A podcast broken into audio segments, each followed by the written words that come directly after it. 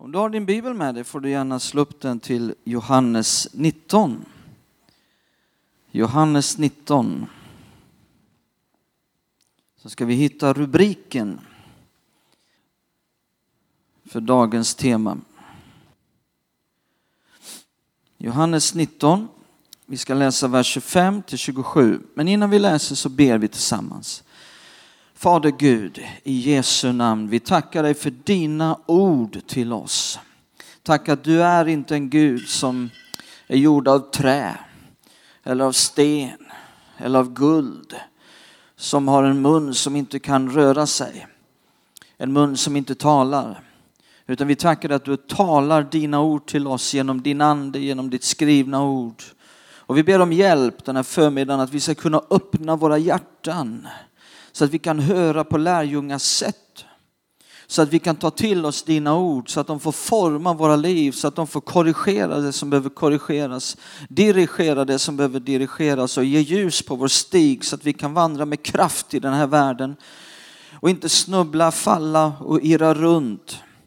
Vi lämnar över resten av den här gudstjänsten till dig, till din helige ande vi avskiljer, vi helgar varje sekund, Ta kontrollen, ge oss nåd att höra, att tala som vi bör. I Jesu namn. Amen. Då står det i Johannes 19, 25 till 27. Vid Jesu kors stod hans mor och hennes syster Maria som var Klopas hustru och Maria från Magdala. När Jesus såg sin mor och bredvid henne den lärjunge som han älskade sa han till sin mor, kvinna se din son. Sedan sa han till lärjungen, se din mor. Och från den stunden tog lärjungen henne hem till sig. Så det är rubriken eh, eh, på idag. Temat idag det är se din mor. Vad kan vara bättre ord för en mors dag än Jesu ord på korset? Se din mor. Ni mammor, känner ni er ofta pressade? Ansvarstyngda? Jag tror det. Därför att en mamma, precis som vi såg här på den här filmen tidigare, har många yrkeshattar på sig. Känner ni igen det? Många yrkeshattar måste en mamma bära. Jag skrev ner några här. Hushållerska. Chaufför. Kock. Sjuksköterska. Domare. Lärare florist. Det är mycket man ska vara när man ska vara mamma. Kosmetolog. Psykolog. Städerska. Rent utav poliskonstapel. Sekreterare.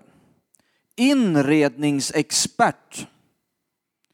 Helst sömmerska och charmerande värdinna Vacker modell. Enligt samhället ska det också. Dietist.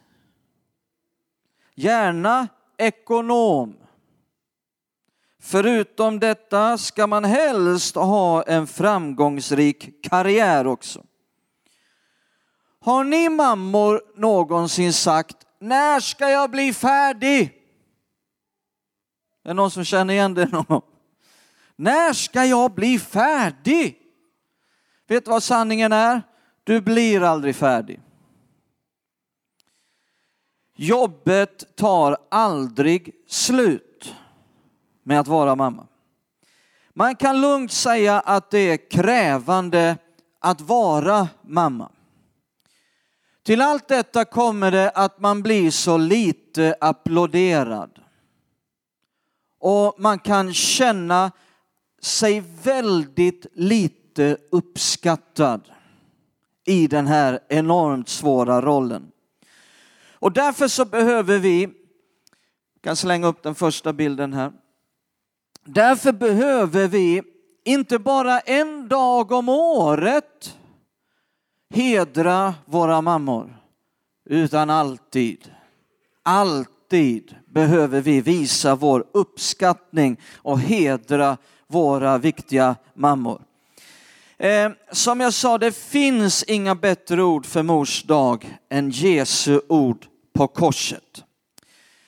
Det här med mors dag, eh, var kommer det ifrån? Hur kommer det sig att vi firar mors dag? Kanske några av er vet det, kanske en del inte har den blekaste aning om var det här kommer ifrån. Jag ska berätta för er. Det här med mors dag det introducerades av en kvinna i USA som hette Ann Jarvis. 1908, strax över 100 år sedan i USA. Och det här gjorde Ann Jarvis eh, för att hedra minnet utav hennes egen mamma som hade gått bort ett år innan. Eh, och därför så arrangerades en eh, speciell gudstjänst i den kyrkan hon tillhörde.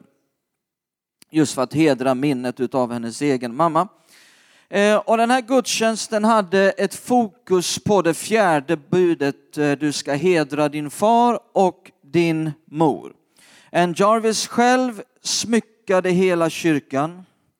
Man delade ut vita nejlikor, för det var mammans den bortgångna mammans favoritblomma. Så därför fick varje deltagare i gudstjänsten den här blomman. Eh, det här, den här sättet att hedra mamman, eh, det spreds sen i hela USA under några år. Och 1914 så blev detta officiell eh, helgdag i USA. 1914. Eh, under de nästföljande åren så spreds detta också till Europa. Och 1919 så firade man mors dag i Sverige för första gången.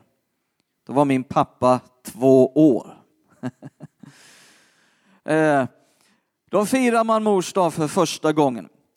1920 då skrev Svenska Dagbladet en artikel med rubriken Anvisningar till firande av mors dag. För det här var ju en väldigt ny sak nu i Sverige. Och folk visste inte hur ska man fira den här nya grejen som har kommit till vårt land.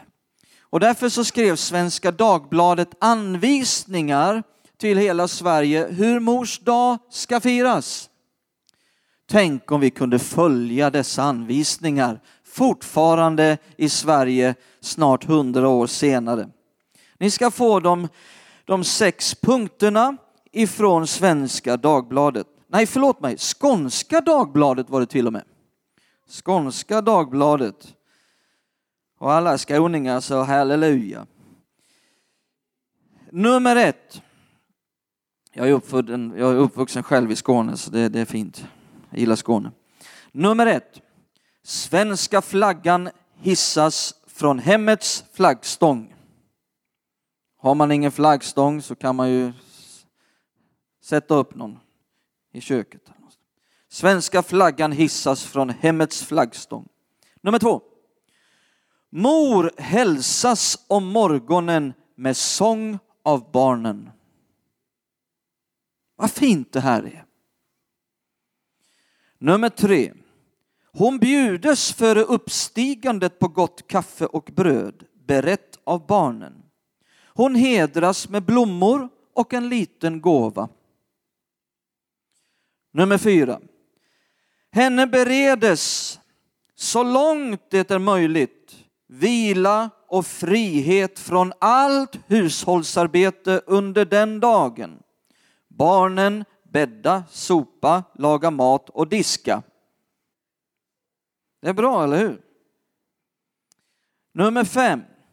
Vid eftermiddagskaffet eller på aftonen hålles en liten högtidlighet där far i huset medverkar.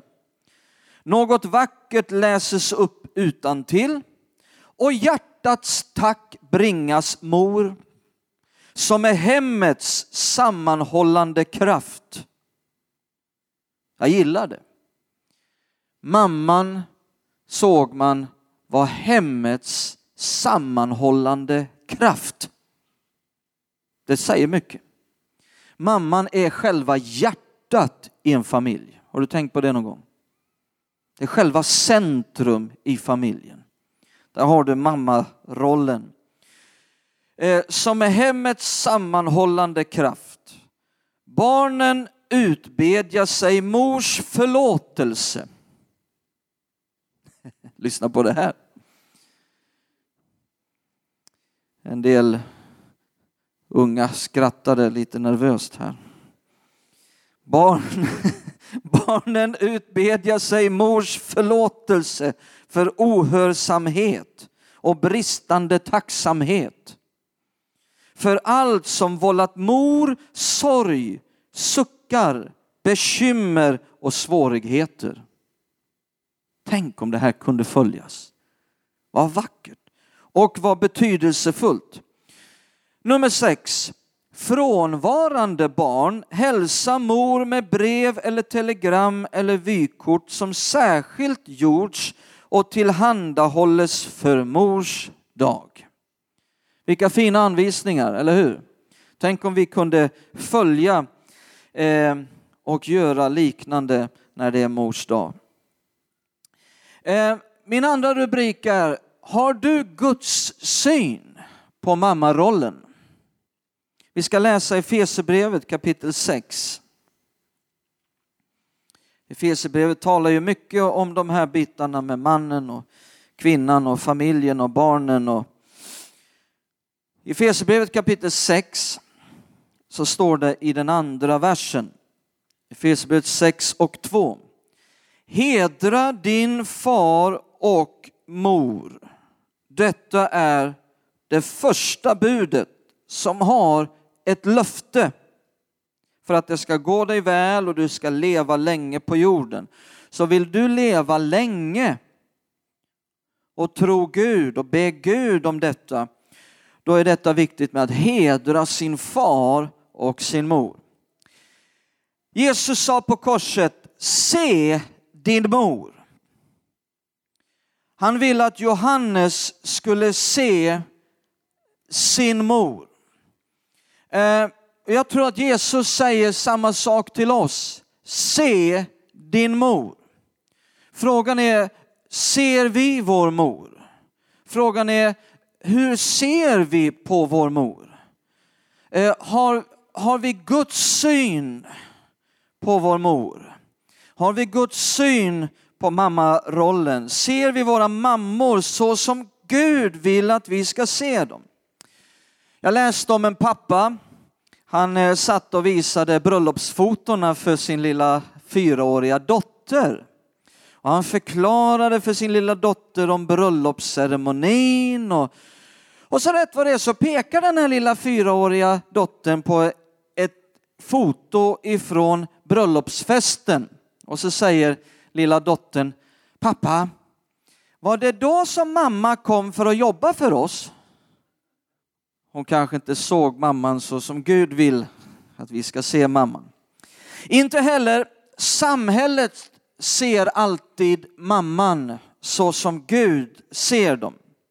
Jag minns på 90-talet när Göran Persson kom till makten. Eh, jag och Vicky, vi hade precis börjat bilda familj. Jag hade 11 278 kronor i bruttolön. Vilket minne jag har. Va? Vicky eh, ville gärna få vara hemma med våra barn när de var små. Det var hennes önskan, det var hennes hjärta. Jag själv sa ja, jag är väldigt tacksam för att min mamma var hemma när jag var liten. Jag är otroligt tacksam för det. Inte säkert jag hade allt vad mina kompisar kunde ha. För det var inte kanske lika stark ekonomi. Men jag hade någonting annat som de flesta av mina kompisar inte hade. Som jag sätter oerhört värde på fortfarande. Min, min, eh, eh, min Vicky hon ville gärna få vara hemma. Så vi hade bara min lilla bruttolön på 11 278 kronor. Eh, när Göran Persson kom till makten då, på 90-talet, så blev vi av, på ett enda bräde så blev vi av med 2500 kronor i månaden. Det var oerhört mycket pengar för oss att bara bli av Bara så här, pang! En del var vårdnadsbidraget. Falu kommun, de gick med flera miljoner i vinst under de korta månaderna som vi hade vårdnadsbidrag. Så det var inte av ekonomiska skäl som man tog bort vårdnadsbidraget, det var av ideologiska skäl. Den andra stora biten vi blev av med var bostadsbidrag. Eh, därför att nu infördes ett nytt system. Eh, och på grund av att Vicky inte jobbade så blev vi av med bostadsbidraget. Hade Vicky jobbat och tjänat 60 000 kronor eller mer om året så hade vi fått dubbelt så mycket i bostadsbidrag. Hur får man det att gå ihop? Att om man tjänar mer så får man mer bostadsbidrag. Tjänar man mindre så blir man av med bostadsbidrag. Jag trodde bostadsbidrag skulle vara till för att hjälpa de som inte har så mycket pengar. Är ni med? Vad var anledningen? Ja, Göran Persson förklarade. Mammor som inte gör samhällsnytta ska inte ha några bidrag. Det var vad han sa. Så en mamma som då var hemma och ville vara hemma gör ingen samhällsnytta. Hur fruktansvärt kan det bli i tankebanorna? Som min mamma, när jag var liten, hon gjorde ingen samhällsnytta. Då har man verkligen inte Guds syn på mammarollen. Hur viktig mammarollen är för samhället. Samhällets uppbyggnad, för fungerande familjer och för en styrka och en kraft i samhället. Eh, socialismen har inte Guds syn på mammarollen. Utan det ska helst vara kollektivet, det ska helst vara kommunen eh, som ska ta över. Ju förr som eh, barnet lämnas över till någon annan, desto bättre.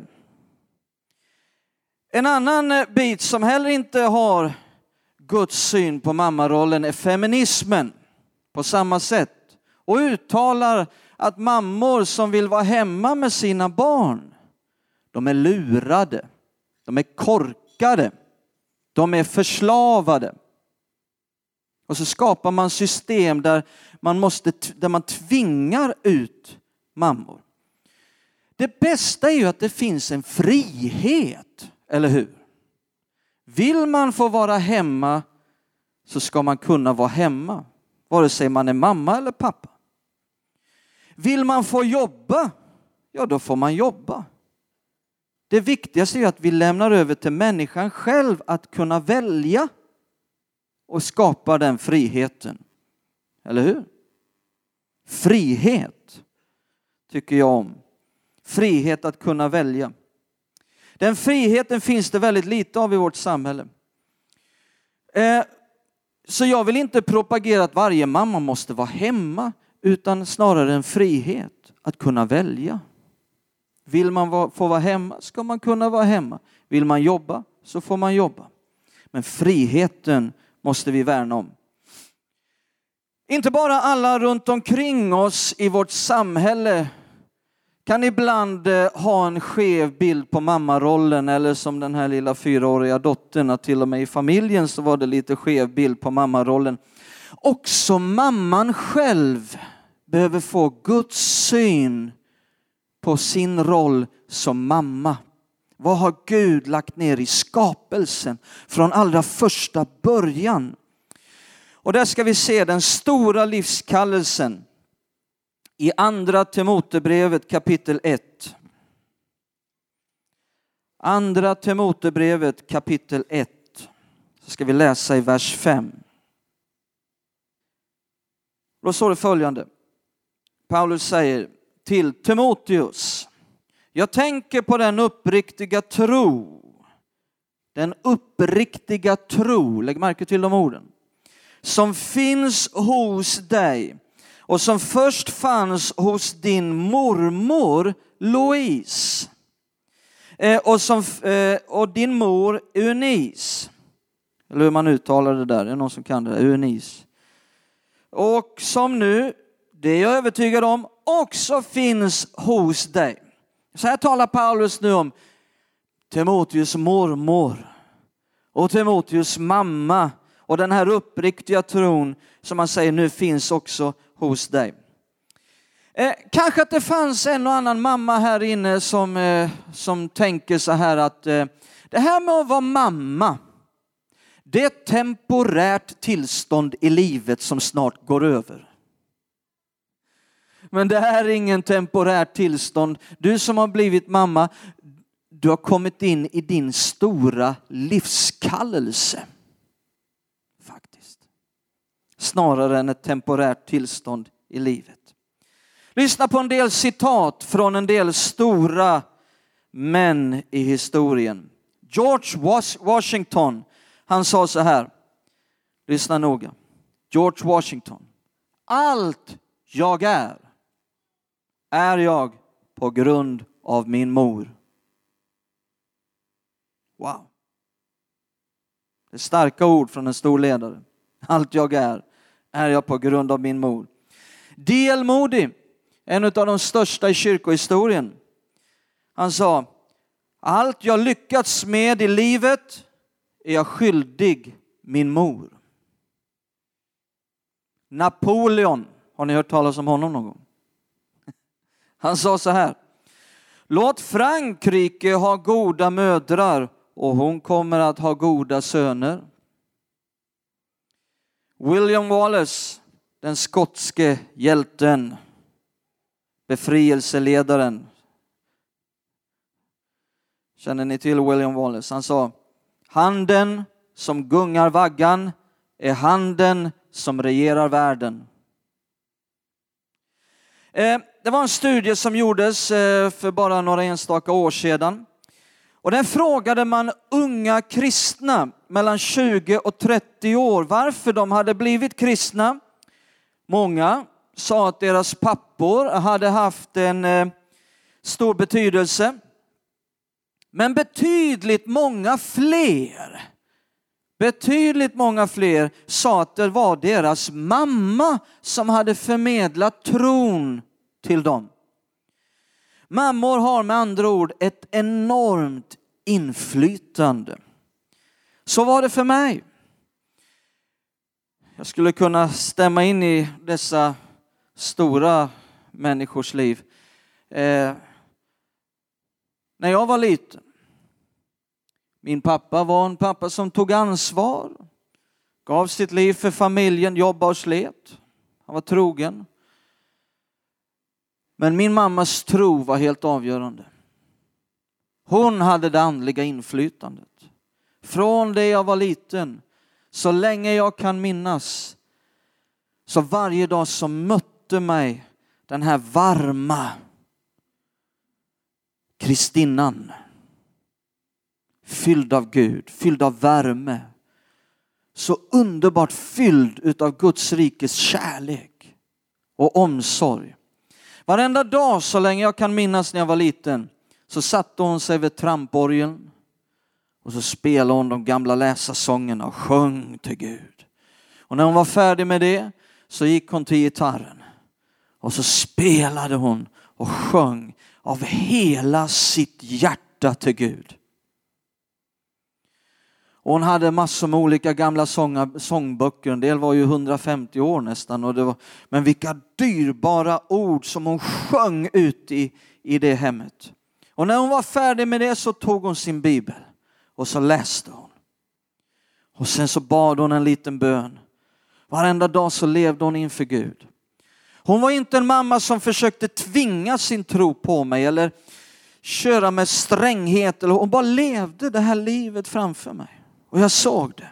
Och det var så, det var attraktivt den här relationen hon hade med Gud. När jag kom upp i övre tonåren, genom tonåren så både rökte jag och jag snusade och jag drack och jag höll på med mycket som man inte skulle hålla på med. Men när jag blev 19, när jag skulle upp i det vuxna livet, då var det denna tro, detta liv inför Gud, som var totalt avgörande för vilket vägval jag gjorde i livet. Det betydde allt. Jag hade inte varit här idag, gjort det jag gör idag om det inte hade varit för min mamma. Hon betydde allt för det. Så var det också för Timoteus som vi läste om här. Hans, till och med hans mormor och hans mamma hade förmedlat en uppriktig tro, står det till honom. Vad betyder en uppriktig tro? Ja, det betyder en tro som håller hela vägen. Som inte är hyckleri. Ska vi läsa om det här också i kapitel 3. Andra Timoteus 3, vers 14 till 15. Andra Timoteus 3, vers 14 och 15. Men håll fast vid det som du har lärt dig och blivit överbevisad om. Du vet av vilka du har lärt det. Lyssna på de orden. Vad säger Paulus? Han säger håll fast vid det du har lärt dig. Ja, vem är det han har lärt sig detta utav? Och blivit överbevisad om. Du vet av vilka du har lärt dig. Ja, var det professorerna i bibelskolan? Jag är inte emot bibelskola, men det finns något som är mer betydelsefullt. Det finns något som är ännu mer viktigt. Och då står det i nästa vers, och du känner från barndomen de heliga skrifterna som gör dig vis så att du blir frälst genom tron i Kristus Jesus. Paulus säger från barndomen, då måste det handla om hans mormor och hans mamma som hade lärt honom. Det här hade pågått ända sedan barndomen. Dessa mödrar, mormor Louise och mamma Eunice, de hade förmedlat en kärlek till skrifterna, de hade förmedlat en kärlek till Guds ord och de hade visat på en sån underbar tro på Gud. Vi ska läsa om hans pappa också. Titta i Apostlagärningarna 16. Apostlagärningarna 16. Då står det från vers 1 i Apostlagärningarna 16. Paulus kom också till Derbe och Lystra. Där fanns en lärjunge som hette Timoteus. Han var son till en troende judinna och hans far var grek. Nu är vi inte emot greker. Vi bara ser det. Hans far var grek. Bröderna i Lystra och Ikonium talade väl om Timoteus eftersom Paulus ville ha honom med på resan tog han och omskar honom av hänsyn till judarna i de trakterna. Ty alla kände till att hans far var grek. Så Timoteus hade en pappa som var grek, han var hedning. Eh, det var inte pappan som hade ett andligt inflytande på Timoteus. Nu säger inte jag att inte vi pappor kan ha andligt inflytande på våra barn. Men jag vill lyfta den mycket speciella relationen här eh, som mamman har. Eh, det finns inget som indikerar att eh, den här pappan någonsin kom till tro. Kanske han gjorde det, vi vet inte så mycket. Han kanske var en fin man. Han kanske gav sitt liv för familjen, han kanske var ansvarsfull, han var säkert trogen och tog hand om familjen. Men det verkar vara tydligt att eh, han inte hade något andligt inflytande över sina barn. Kanske är det så att det finns en relation mellan mamman och barnet som är starkare. Det vet vi säkert allihopa att det finns inget som är så underbart som mamma. Alltså när jag var liten, pappa var jättefin. Men han matchar inte upp till hur mycket jag älskade mamma. Alltså, mamma Jag tror de flesta av oss kan vittna om det. Att det är något speciellt med mamma. Kopplingen. Inget är så bra som mamma. Eh, det verkar som att det finns en emotionell koppling mellan mamman och barnet eh, som pappan aldrig når upp till, som börjar redan, tror jag, när barnet är i magen. Eh, nya vetenskapliga undersökningar eh, har, har sett det här. Att eh, redan i magen så känner barnet utav emotionella svängningar hos mamman. Att fostret, att barnet i magen är påverkat utav saker som alkohol, nikotin, vad man äter, det känner vi till sen, sen alltid. Men eh, nu börjar man också förstå att känslohormoner påverkar barnet i magen. Med andra ord, om mamman är glad så är barnet i magen glad. Och det, jag tror det fortsätter efter att barnet är fött också. Det vet vi, hur många kan instämma i det här att om, om mamma är glad där hemma, då är alla glada. Är mamma inte glad, då är ingen glad. Det är hjärtat i familjen. Det är, eh, det är de sammanhållande krafterna för en hel familj ligger så starkt i mamman. Ehm, det finns en annan speciell berättelse om en soldat i första världskriget. En amerikansk soldat. Han stred i Frankrike och han blev fruktansvärt brutalt sårad. Så illa däran att de fick transportera hem honom till USA. De fick lägga in honom på ett sjukhus där och han var totalt manglad. Han kunde inte se. Han kunde knappt tänka klart. Hans mamma reste lång väg för att komma till honom. Och när hon går in i sjuksalen där han ligger så säger hon ingenting. Hon går bara fram och lägger sin hand på pannan på honom. Då säger han på en gång, det är mammas hand. Den handen känner jag alltid igen. Wow. Är det inte på det sättet? För mig är det 13 år sedan min mamma gick hem till Herren. Men skulle hon dyka upp och ta min hand i sin hand så skulle jag, det är mammas hand. Det är en hand man känner igen, eller hur? Ehm, vi ska läsa här också till sist i Ordspråksboken 22, vers 6. Vi talar om en roll som är själva hjärtat i familjen. Familjens sammanhållande kraft.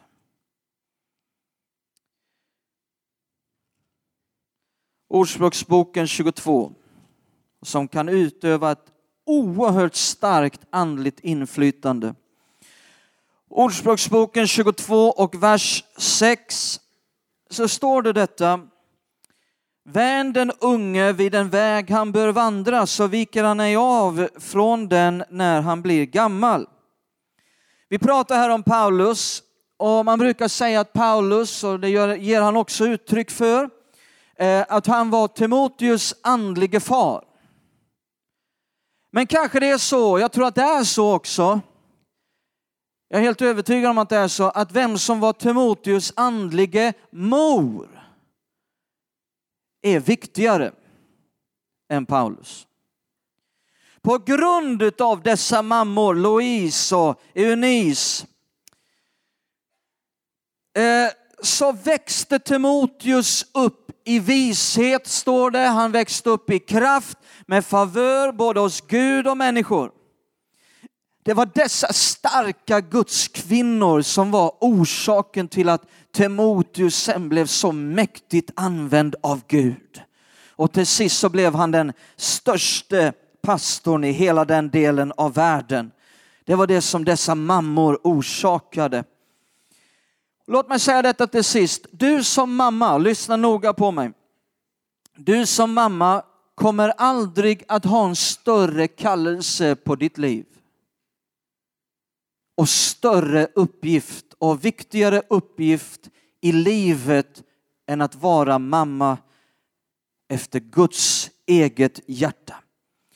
Det spelar ingen roll om du skulle så bli statsminister eller du skulle bli missionär och ha enormt viktiga uppgifter så är värdet utav dessa roller aldrig större än värdet av att vara mor och familjens centrum. Det finns ingen kallelse eller uppgift som har ett större värde än kallelsen än att vara mamma efter Guds eget hjärta. Jag tror att det är det som Gud vill att du ska få bära med dig ut i livet och härifrån. Ska vi stå upp tillsammans? Dan, kanske du kan spela lite grann. Ska vi vända våra hjärtan ett par minuter i bön till Gud? Fader Gud, vi tackar dig för dina ord till oss. Vi vill se genom dina ögon på skapelsen så som du vill ha den. Hur du vill bygga ett samhälle, hur du vill bygga en stad, hushåll, familjer, äktenskap. Vi ber för vår värld, för vårt Sverige. Vi ber Fader för en värld som har trasats sönder och samman av felaktiga ideal, av felaktiga mönsterbilder som är så fallet, som är så mörkt. Vi ber för alla barn i Skövde. Vi ber Fader för det som är så trasigt. Vi ber att du ska verka. Att ditt ord, att din vilja ska få genomslag och ha framgång i vår del av världen. I namnet Jesus. Vi ber att vi ska kunna se genom dina ögon på våra mammor. Att vi ska hörsamma dina ord Jesus när du sa se din mor. Och att vi kan se på våra mödrar så som du ser på dem. Och vi ber för varje mamma här inne. Jag ber för varje mamma här inne som har känt sig så oerhört pressad. Som just nu känner att det börjar bli för mycket ansvar. Det börjar bli för mycket. Som har försmäktat, som har känt sig orkeslös och stressad. Jag ber Fader för varje mamma som är här idag. Om kraft ifrån din ande, om styrka till sin invärtes människa. Om ny glädje i uppgiften, om ny glädje i kallelsen. Jag ber om hjälp ifrån dig Herre. Att kunna vara den mamma som du vill att hon ska vara. Tack för ny vision, förnyad vision här idag. Tack för förnyad kallelsemedvetenhet här idag. Tack för ny inspiration i denna stora uppgift. Tack Gud att du vill resa upp mammor i den här tiden som bygger, som blir de viktiga byggstenarna i vårt samhälle. Vi ber för politiker i vår stad, vi ber för politiker i vårt land att de ska kunna fatta beslut som är i linje med din syn på familjen. Som är i linje med ditt ord. Så att vårt land inte trasas sönder mer.